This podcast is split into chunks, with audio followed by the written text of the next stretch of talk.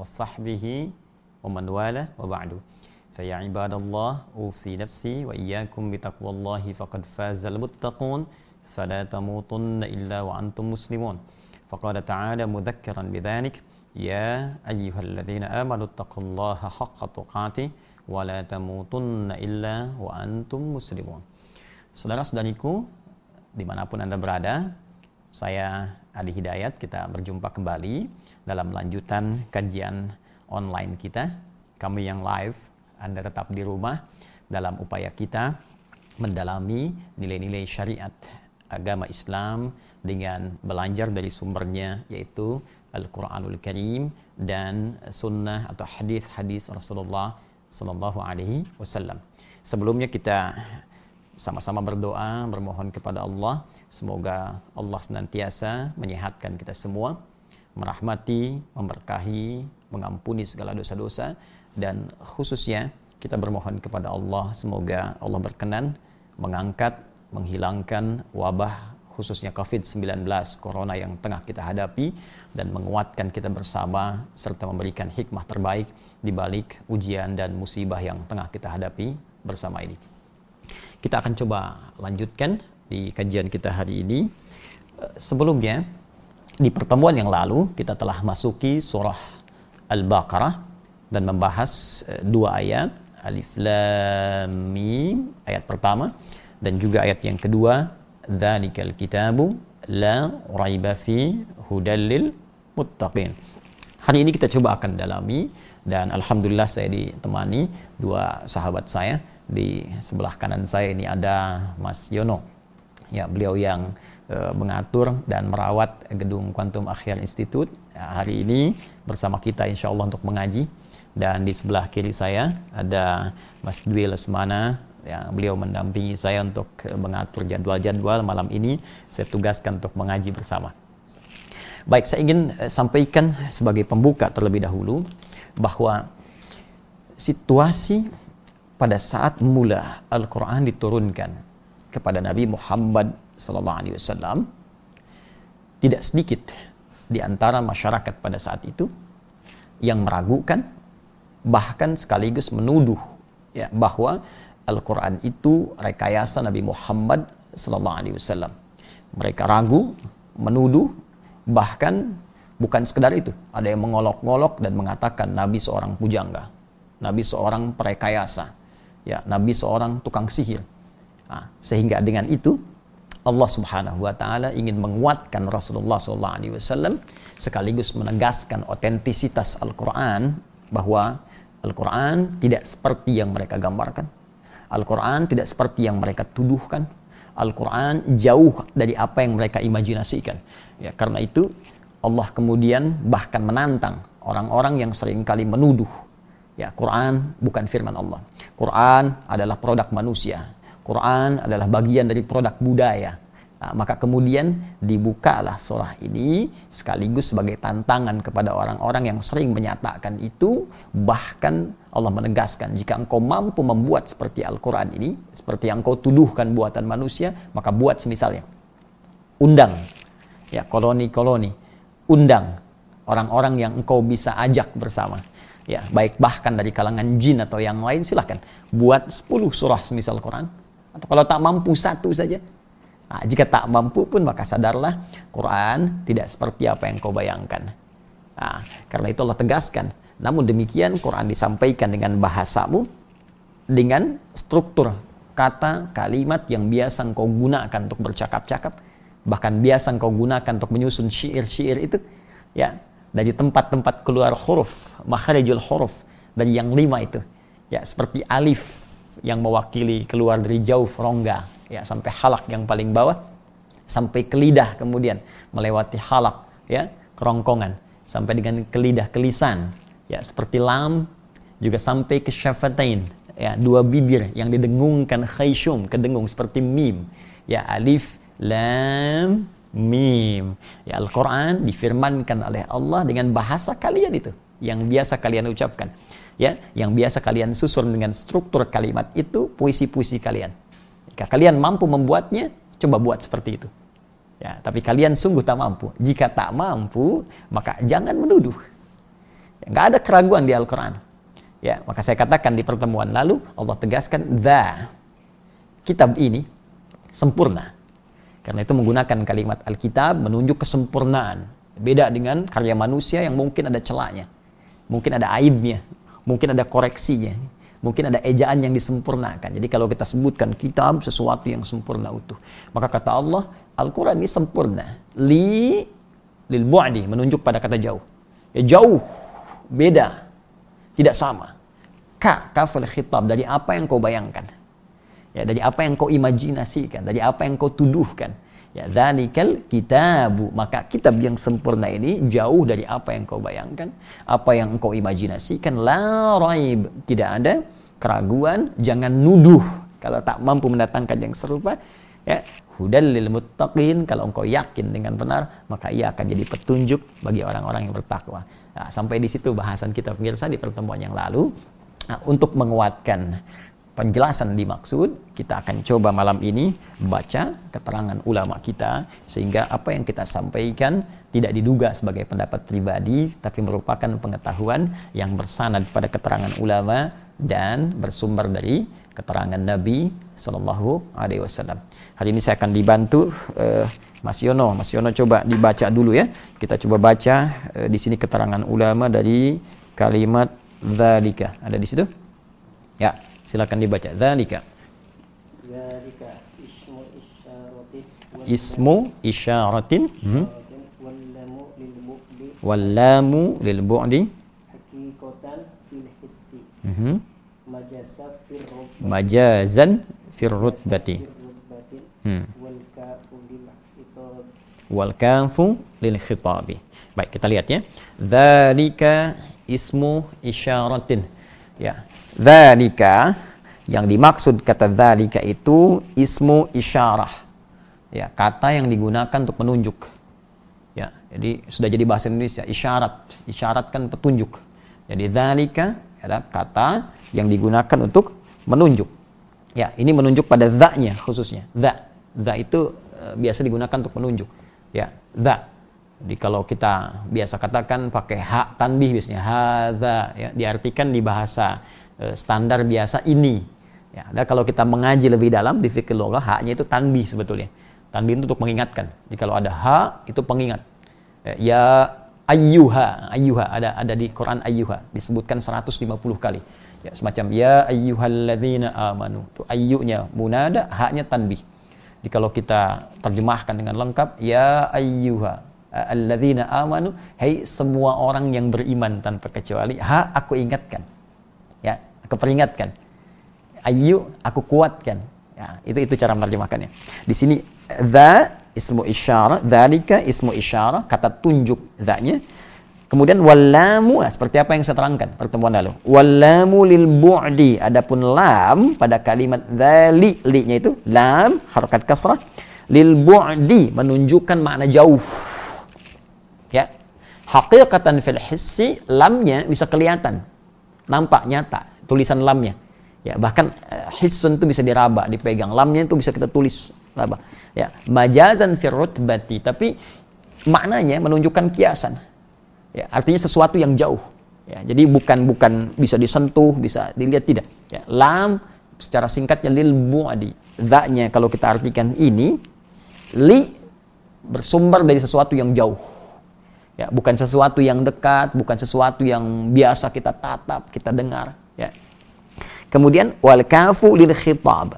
Adapun huruf kaf di sini menunjuk lil khitab pada orang yang sedang diajak bicara. Kata kedua.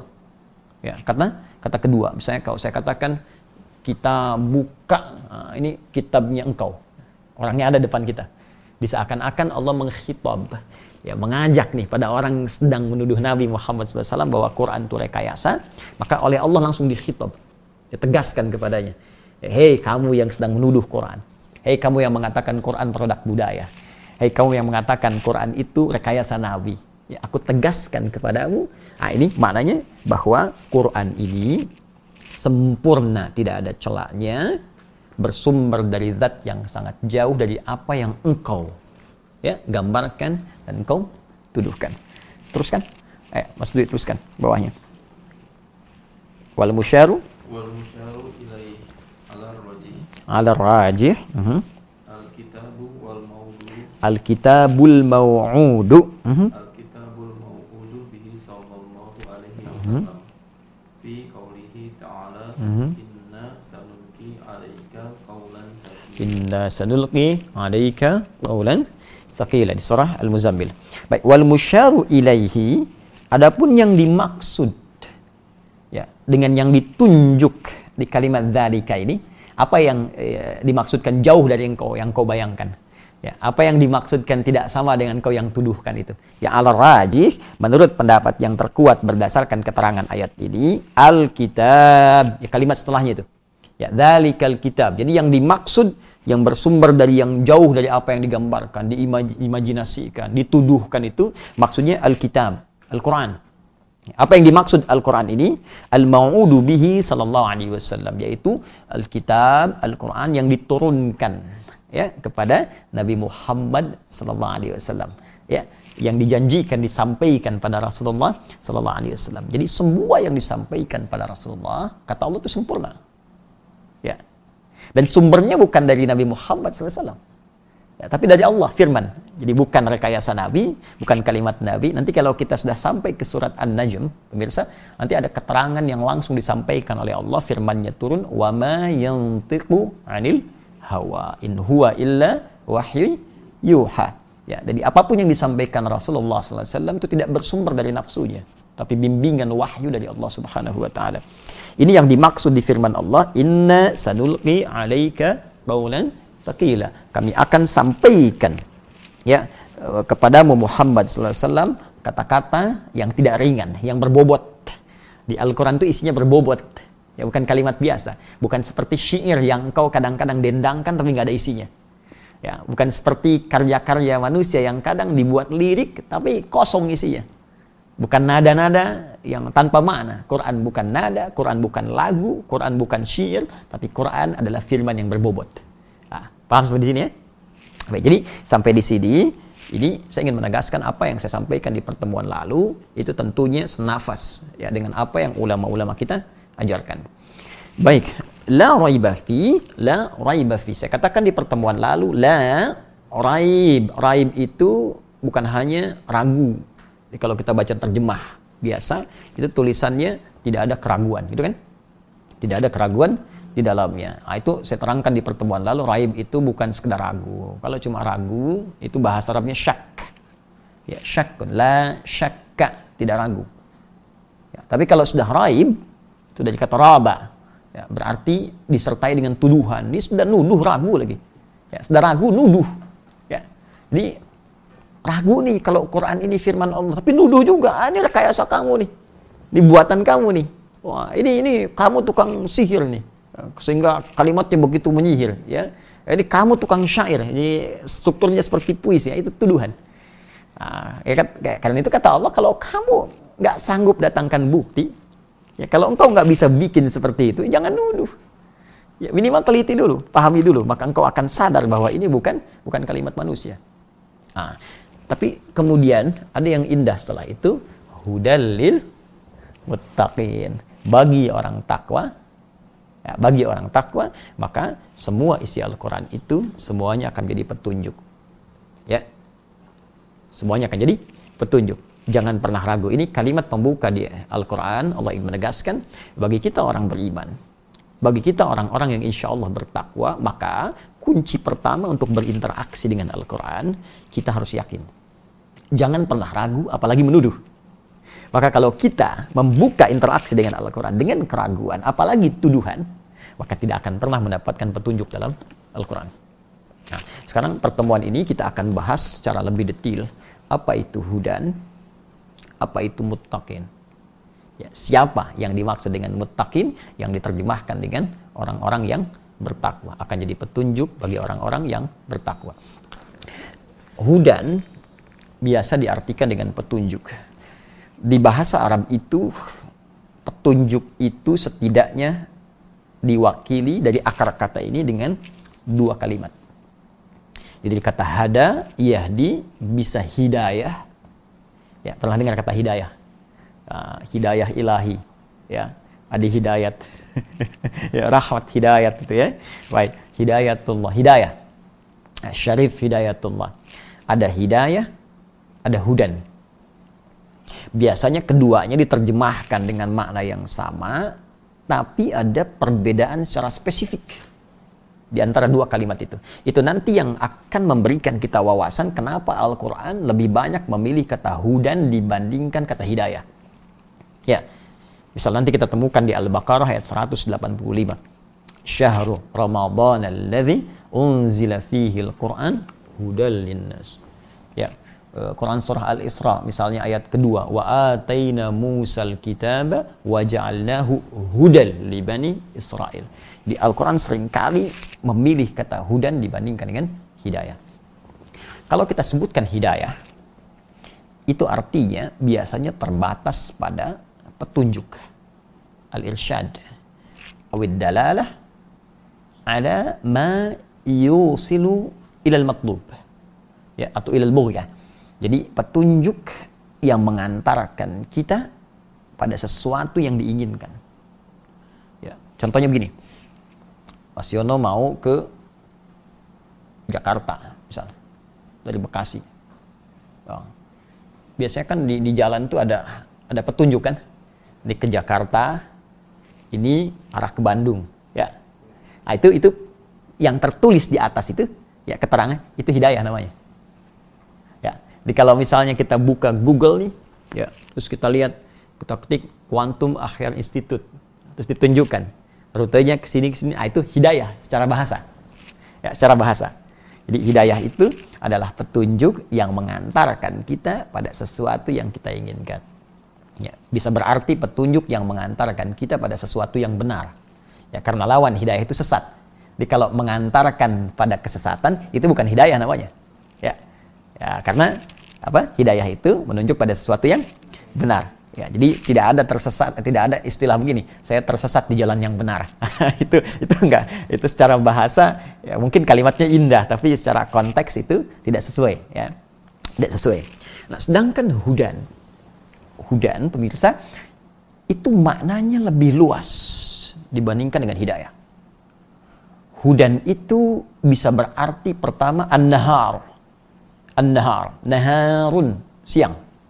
Ya, Inna fi khalqis samawati wal ardi wa ikhtilafil laili wan nahar. Ya, la ayatil liulil albab. Ya, yang di Ali Imran itu ya, ayat 190. Nahar siang. Lail malam. Nah, saya tanya begini. Kalau siang itu semua benda tampak tidak? Tampak ya? Jelas ya? Nah, ini ini sepatu, itu pohon, kan? di peci, di buku. Nah, sekarang kalau malam, malam. Malam kan artinya cahayanya tidak ada ya. Saya tidak bicara lampu ya. Saya tidak bicara penerangan. Saya bicara konteks misalnya mentari, matahari. Ya, kalau mataharinya tenggelam, ya. Kenapa matahari tenggelam? Karena nggak bisa berenang. ya, matahari tenggelam ya sudah waktunya tiba ya. Malam tiba matahari tenggelam bukan nggak bisa berenang. Ya. ya, baik. Kalau sudah tiba, ya mataharinya tenggelam, nggak ada cahaya kan? Kalau nggak ada lampu, nggak ada apa, sudah gelap itu semua. Saya tanya, nampak nggak benda sekitar kita? Nggak ada, nggak kelihatan. Ini sendalnya Mas Yono, sendal Mas Di akan nampak. Ini buku, ini spidol, nggak akan nampak, gelap. Nah, jadi Kenapa Allah pertama memilih kata hudan disandingkan dengan muttaqin orang-orang takwa? Dengan makna pertama ini mengandung makna nahar, jelas, terang. Seperti kita melihat benda-benda sekitaran. Jadi bagi orang takwa itu, dia nggak perlu ragu. Nggak akan pernah meragukan Quran. Karena bagi orang takwa, Quran itu pasti jelas firman Allah. Ya, terang. Seperti kita bisa membedakan dengan adanya cahaya, ini bapak, ini ibu, ini Mas Yono, ini Mas Dwi, ini buku, ini spidol terang benderang. Jadi bagi orang takwa tak mungkin dia ragu terhadap Quran, tapi akan terlihat jelas, nampak jelas bahwa ini firman Allah Subhanahu wa taala. Nampak jelas perbedaannya antara kalimat manusia dengan firman Allah. Nampak jelas strukturnya kata-kata manusia dengan firman Allah. Nah, jadi kalau ada orang-orang yang masih meragukan Quran, tak jelas baginya firman ini. Tak jelas baginya perintah Allah ini, ini patut diduga dia belum sampai pada derajat takwa. Ya. Jelas ya? Baik. Yang kedua, takwa itu bisa berarti juga mewakili makna hidayah. Sama. Petunjuk yang mengantarkan kita pada segala yang benar. Petunjuk yang mengantarkan kita pada kebenaran yang kita harapkan. Baik, kalau ini kita kaitkan dengan makna yang ketiga. Ada makna yang ketiga di kata hudan berarti syariat. Ya, syariat. Ya, jadi yang pertama masih ingat tadi? Ya, hudan. Apa satu? Nahar. Ya, sesuatu yang terang benderang, nampak. Yang kedua, dilalah atau irsyad sama dengan hidayah. Yang ketiga bisa berarti syariat. Ya, syariat. Secara lebih singkat syariat itu tuntunan dalam agama, ad-din. Jadi segala tuntunan dalam ad-dinul Islam disebut dengan syariat namanya. Karena itu sering disandingkan syariat dengan kata Islam, syariatul Islam. Ya. Salat itu syariat. Ya, zakat itu syariat. Baik, akhlak itu syariat. Ya, haji itu syariat, puasa itu syariat. Dan syariat nanti punya nilai, punya manfaat dalam kehidupan. Itu hikmah namanya. Nanti macam-macam. Hikmah pada perilaku, ada akhlak, ya hikmah ubudiyah kedekatan kita dengan Allah nanti. Jadi syariat adalah segala tuntunan pedoman yang bersumber dari nilai-nilai Islam, baik di Al-Qur'an ataupun hadis.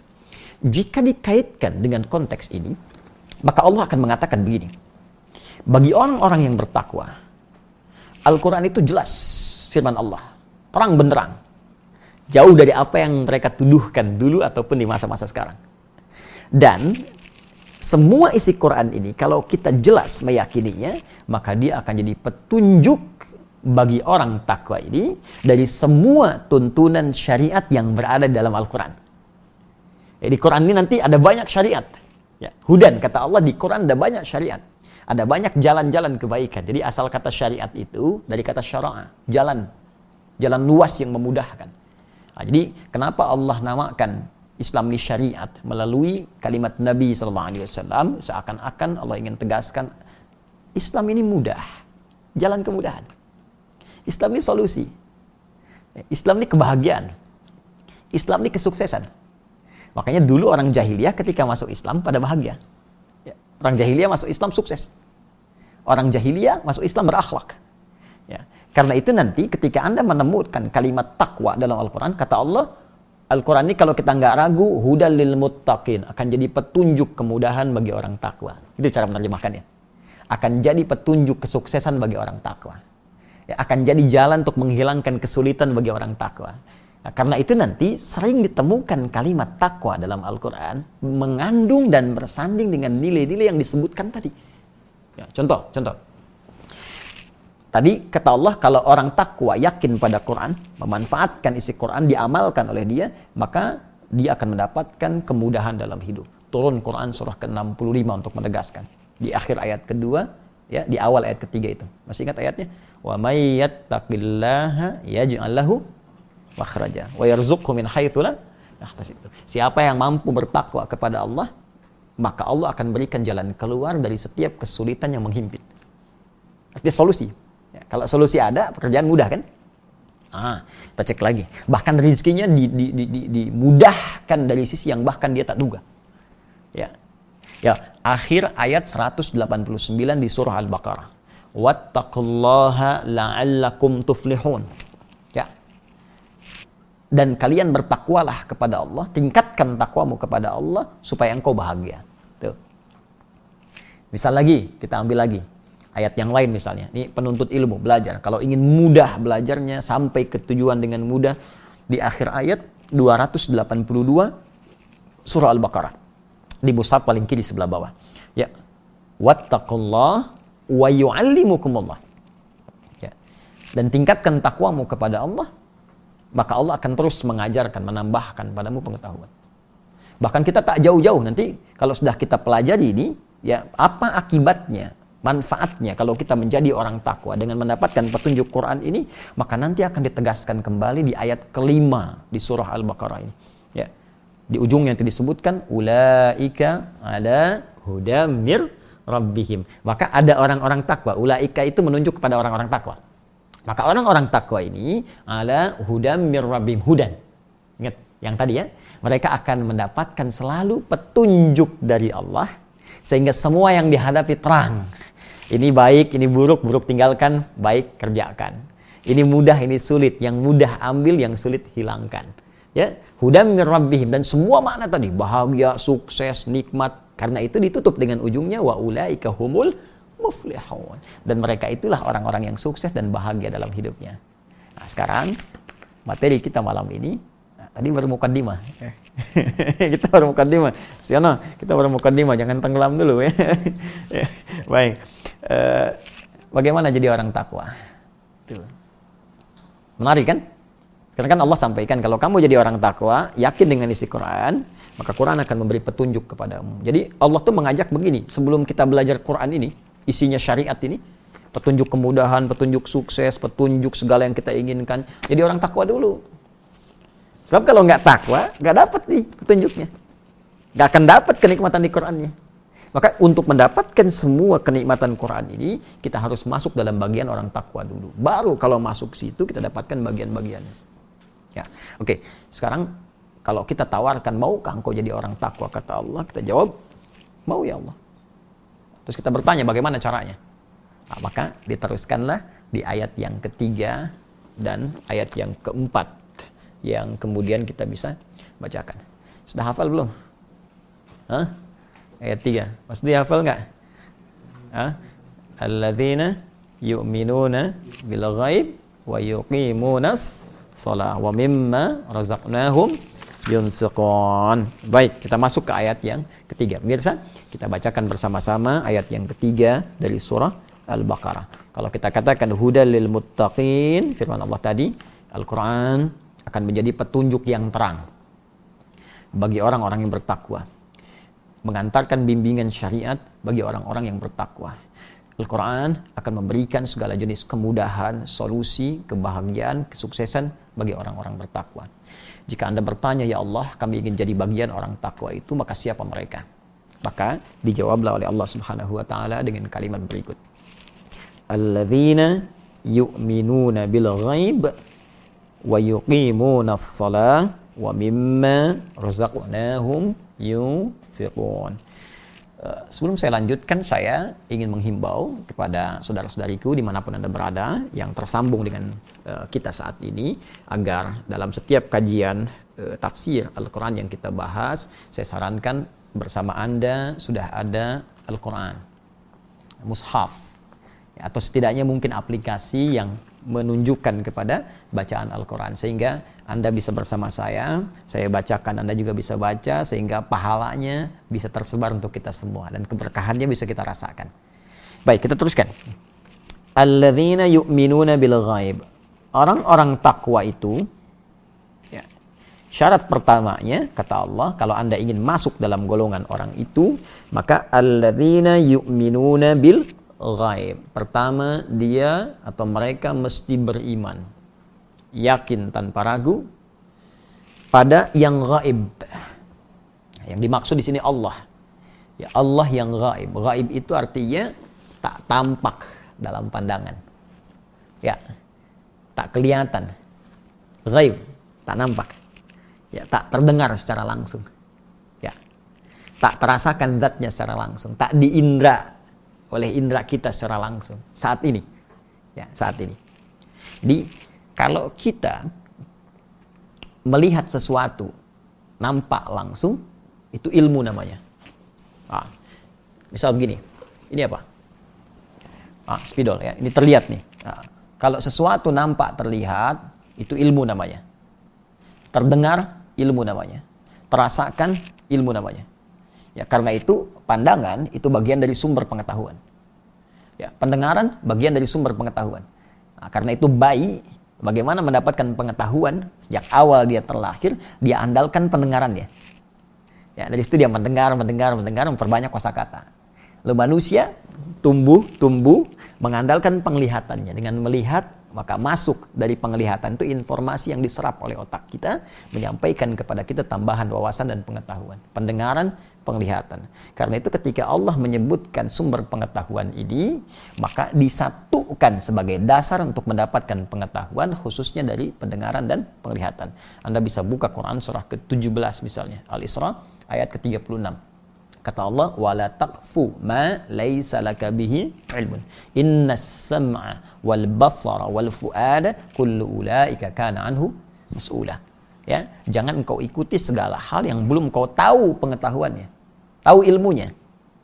Bagaimana untuk mendapatkan ilmu itu? Innas sam'a, sungguh pendengaran itu. Jadi pendengaran bagian dari ilmu. Ya, bagian dari pembuka pengetahuan. Ya, wal basara penglihatan. Penglihatan itu kunci pengetahuan ya wal fuada dan akal. Ya akal. Akal kita.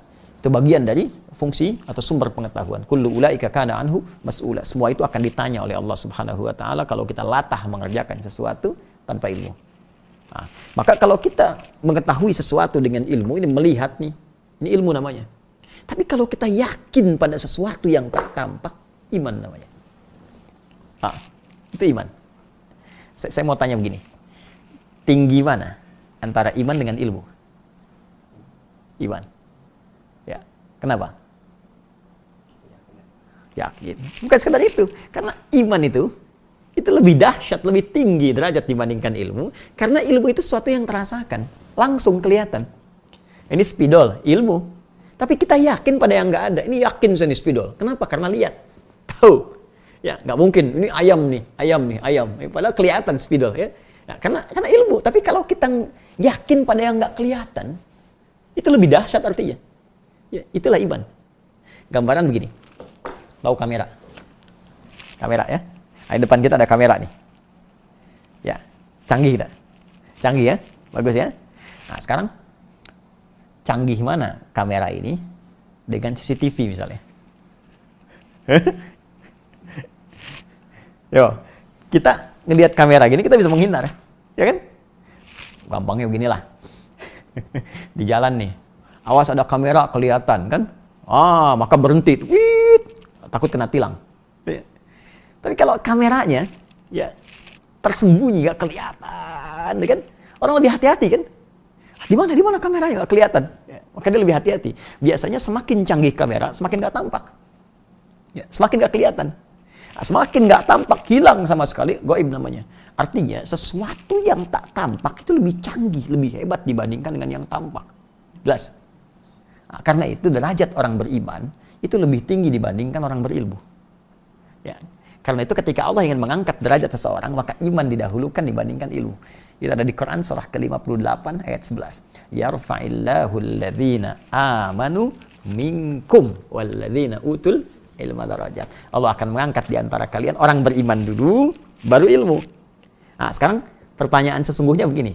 Kalau kita lebih tahu iman lebih hebat dibandingkan ilmu, maka yang paling atas apa? Iman. Bawahnya apa? Ilmu. Artinya ilmu di bawah iman kan?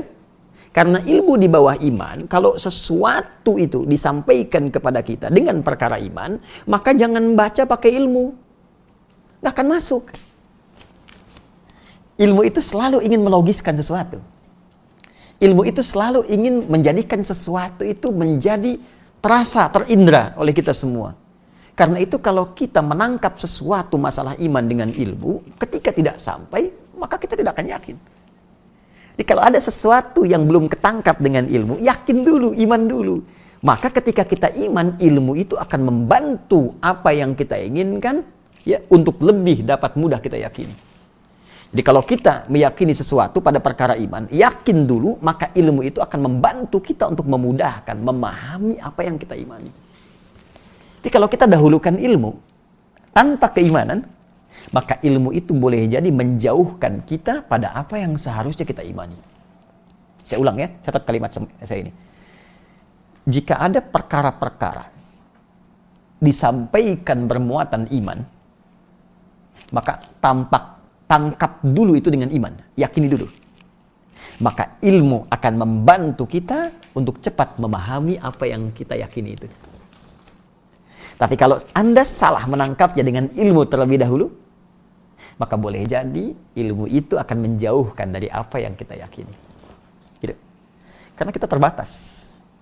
Ya, manusia itu diciptakan terbatas. Hanya Allah yang tak punya batasan.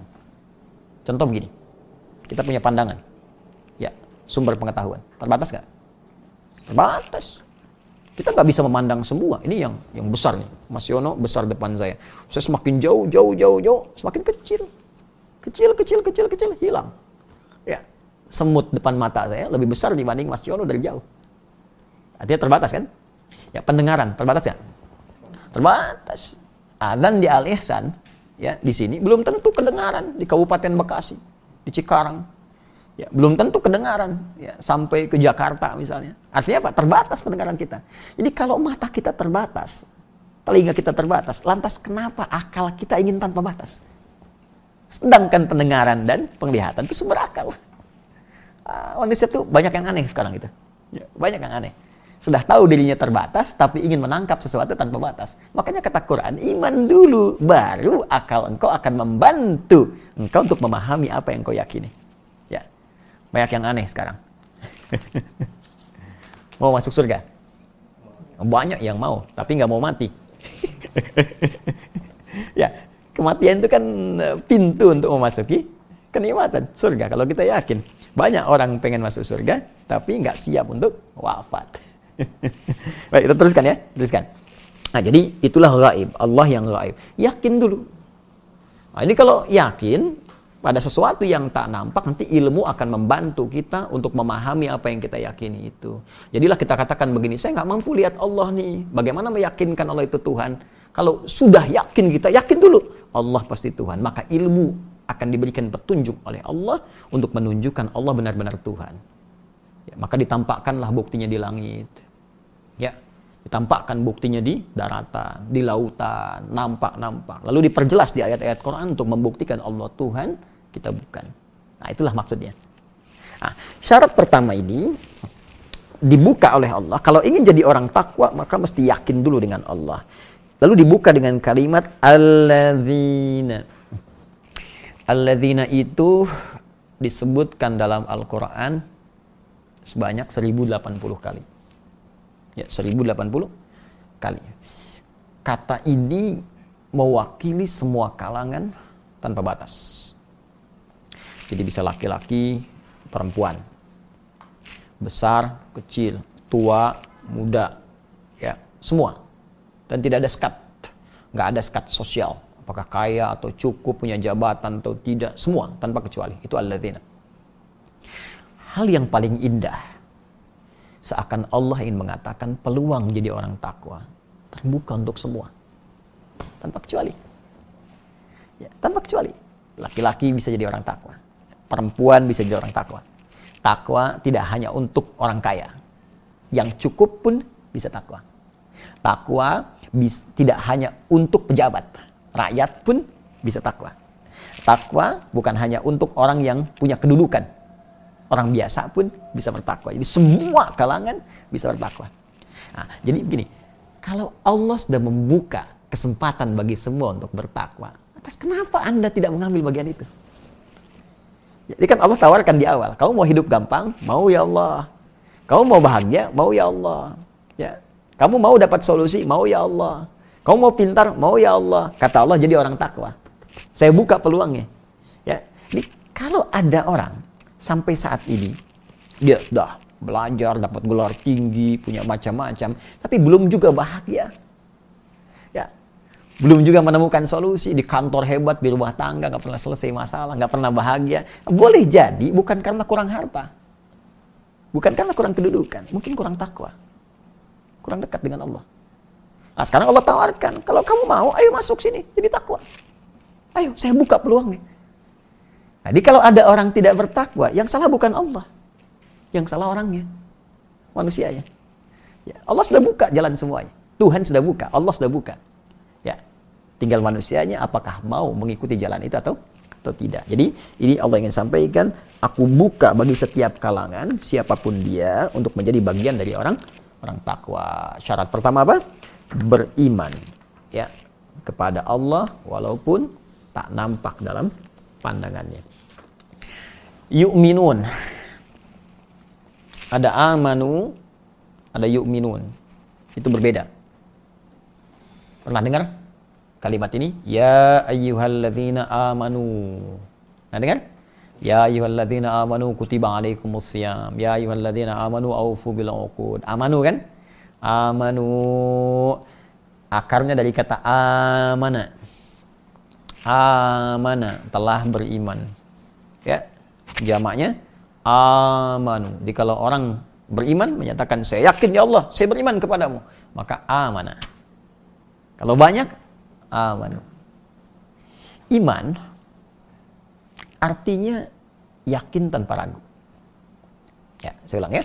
Iman artinya yakin tanpa ragu. Asal kata iman itu kalau kita gali akar pertamanya. Saya, saya tidak bicara ilmu sorof ya. Nah, hati-hati nih. Saya bicara fikih lugoh. Ya, fikih lugoh.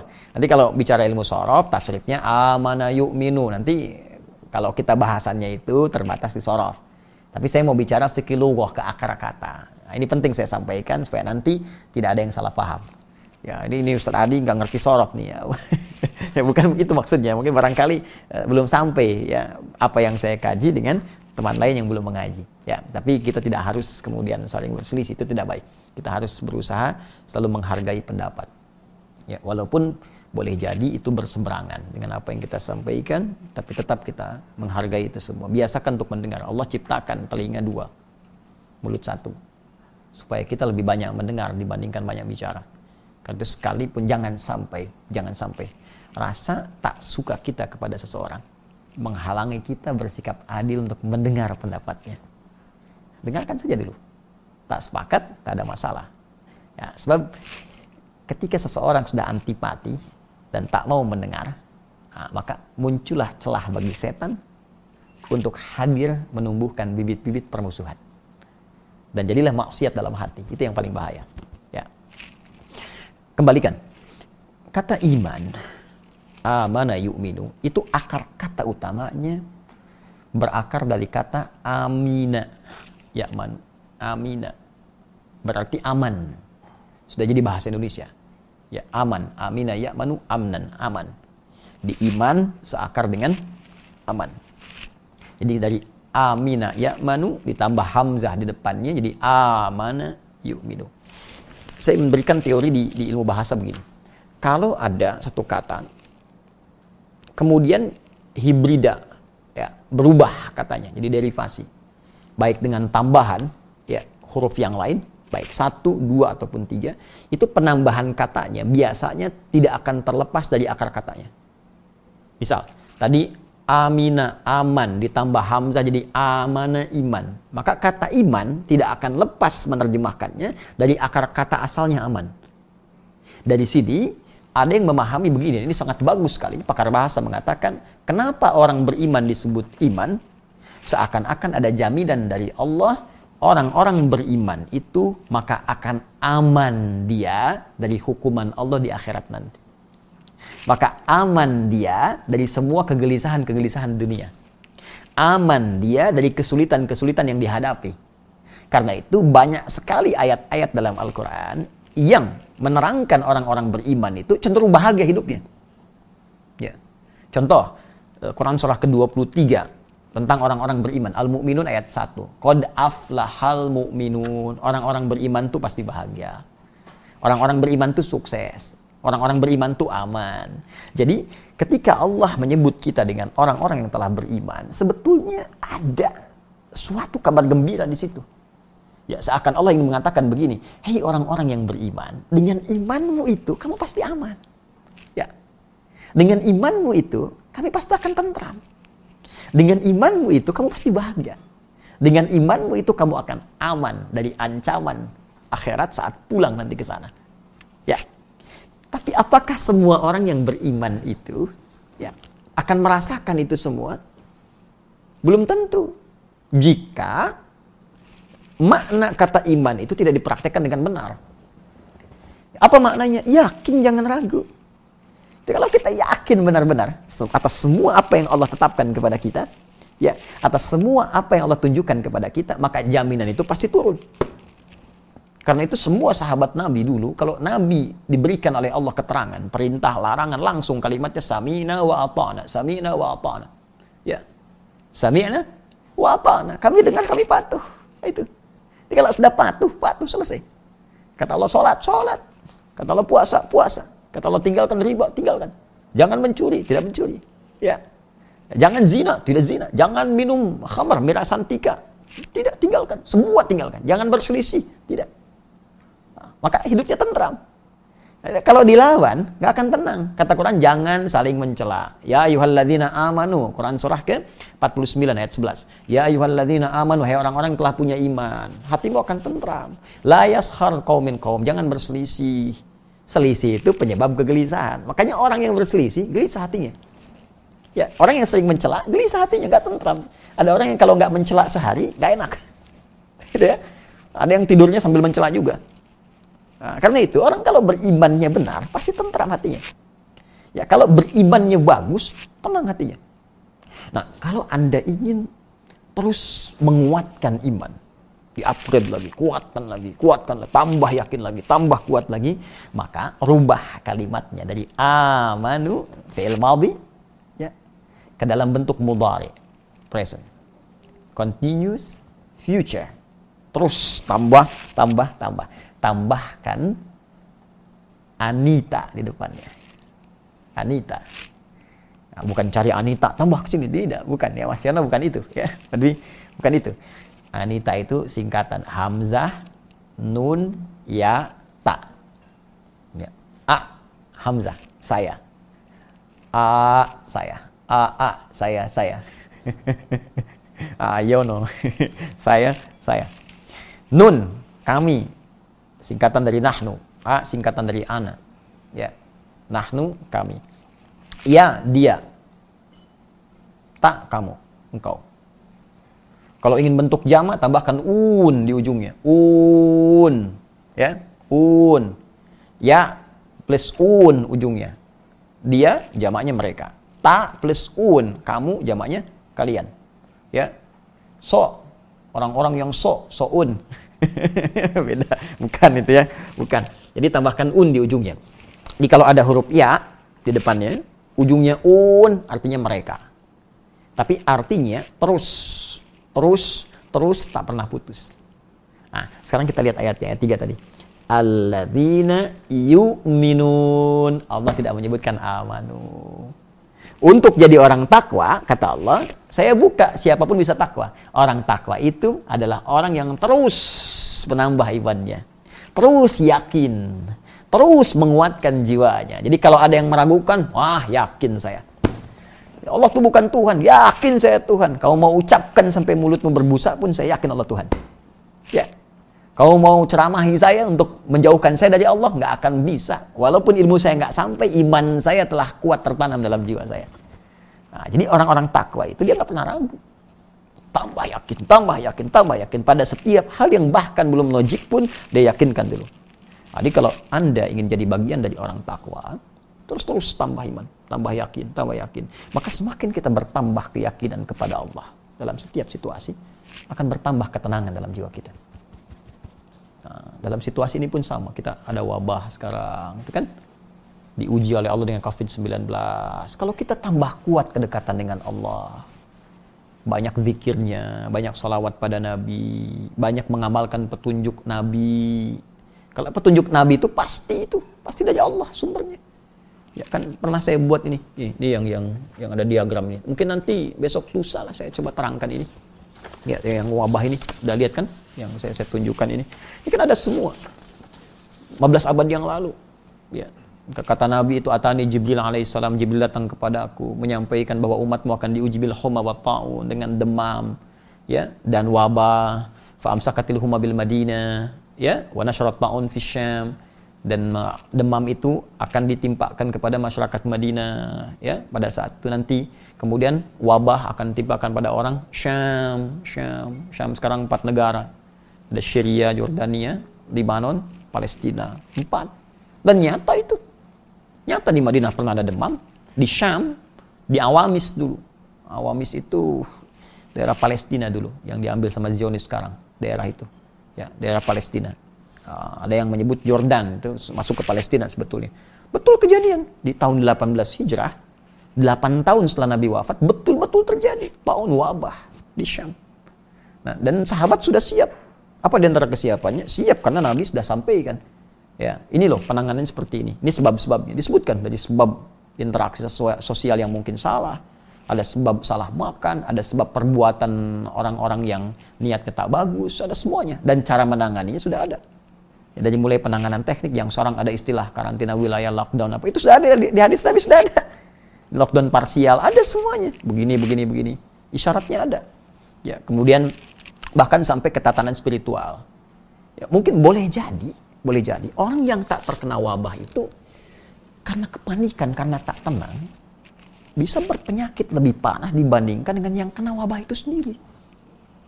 Atau boleh jadi yang terkena positif itu kecil peluang sembuhnya karena tidak tenang. Coba lihat sekarang, ya, ada orang panik, hanya panik buying, beli ini, beli ini, takut uh, habis makanan, takut ini, takut itu, dan sebagainya ada orang takut, bahkan ada yang sakit, bukan COVID pun takut menguburkan, takut macam-macam. Ya, maka ada nanti motivasi dari Nabi. Kalau kita baca hadis Nabi itu sahih. Ya, ya. Falaysa min abdin yaqa'u ta'una. Ya, fihi wa yamkuthu fi baladihi. Ya, dan tidaklah ada seorang hamba jika saat terjadi wabah itu dan dia tinggal di tempatnya di negeri itu, ya sabiran muhtasiban. Dia sabar dan banyak mengoreksi diri dan dia yakin bahwa semua telah Allah tetapkan dalam hidup ini dengan solusi dan jalan keluarnya. Dengan hikmah-hikmahnya. Jadi kalau ada orang seperti ini, diuji dengan apa pun itu. Jadi kalau kita diuji dengan apa pun, ya ujian, kita mengeluh nggak akan menyelesaikan persoalan. Anda punya masalah di rumah tangga, terus Anda mengeluh, apakah selesai masalahnya? Tidak. Ini ada wabah, apakah akan selesai dengan banyak berselisih, banyak menuduh, banyak ini? Nggak akan selesai. Apa yang harus dilakukan? Tenangkan jiwa kita. Bermunajat kepada Allah. Lantas berikhtiar. Yuk ikuti petunjuknya. Semua bersinergi, hindari saling mencela, hindari saling menuduh, hindari kepentingan-kepentingan sesat. Duduk bareng-bareng, sinergi semua. Ya, saling bantu. Dokter kita support, perawat support. Ini bangun ini yang yang birokrasi, yang diplomasi, yang semua ulama, semua dukung masyarakatnya. Kalau semua sudah bisa bersinergi, selesai. Tapi ada satu yang jadi solusi. Secara spiritual kuatkan. Karena kalau kuat spiritualnya, imun kita pun bertambah, ketenangan jiwa itu muncul. Maka jiwa yang tenang akan melahirkan aktivitas yang cemerlang. Nah, itulah iman. Ya, kenapa kita diminta beriman supaya tenang? Jadi kalau ada orang beriman belum tenang, ada yang belum sempurna keimanannya.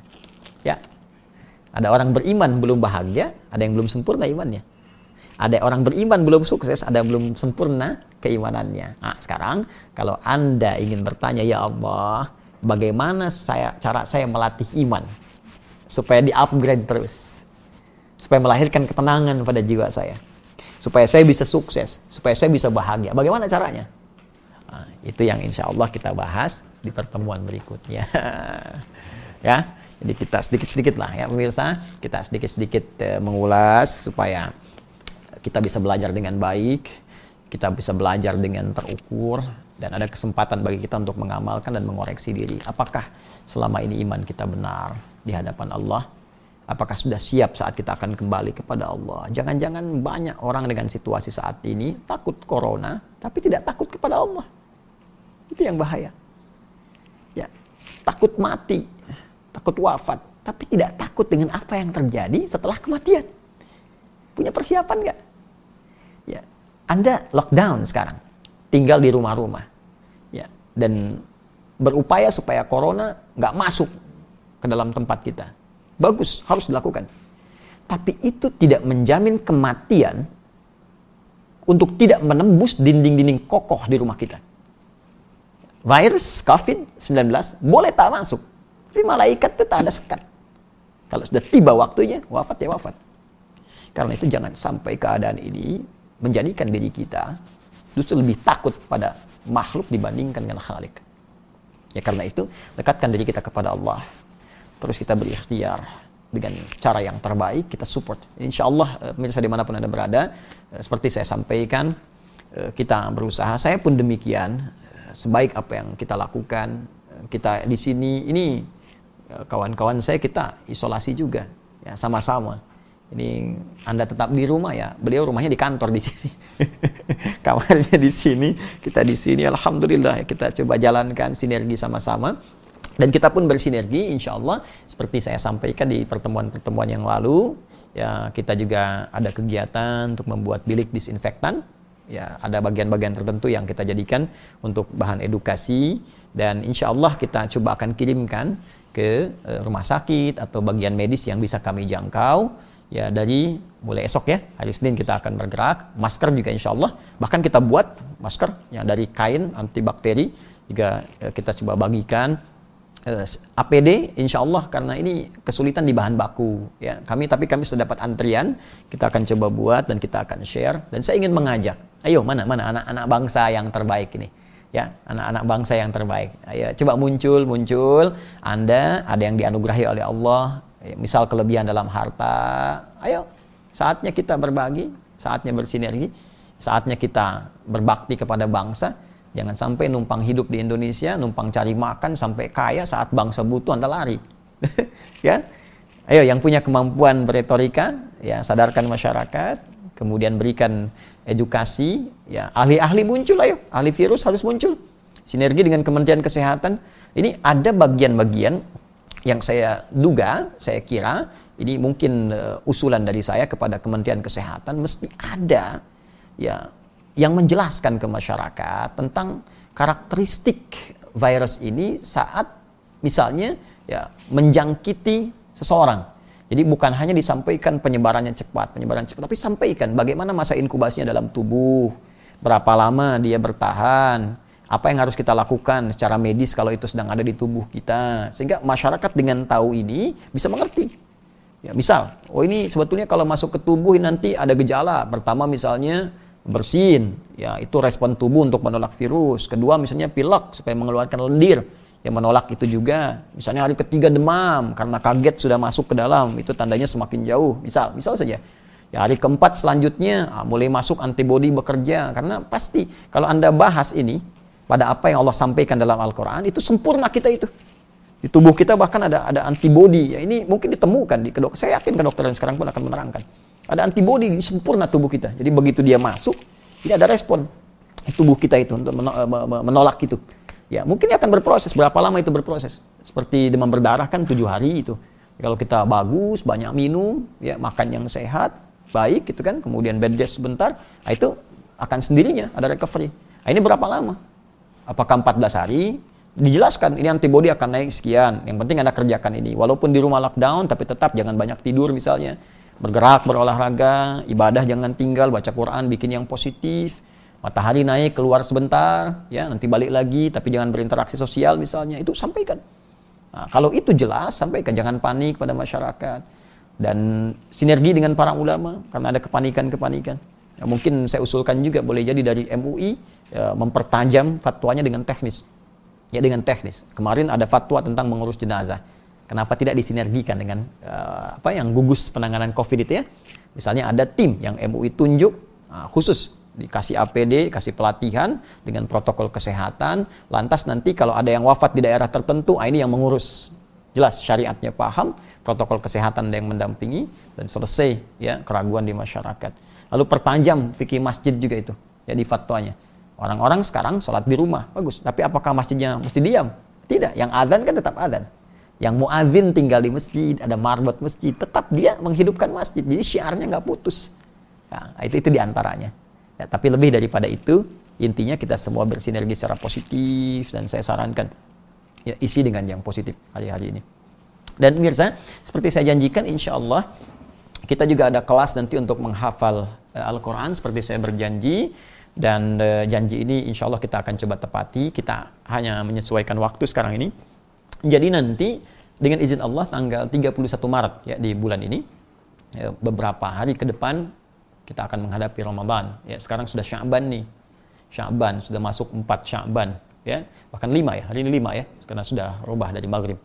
Sebentar lagi. Ya, kalau tidak keliru ke Masehinya akan setara dengan 24 atau 25 April. Jadi tinggal berapa? 25 hari lagi.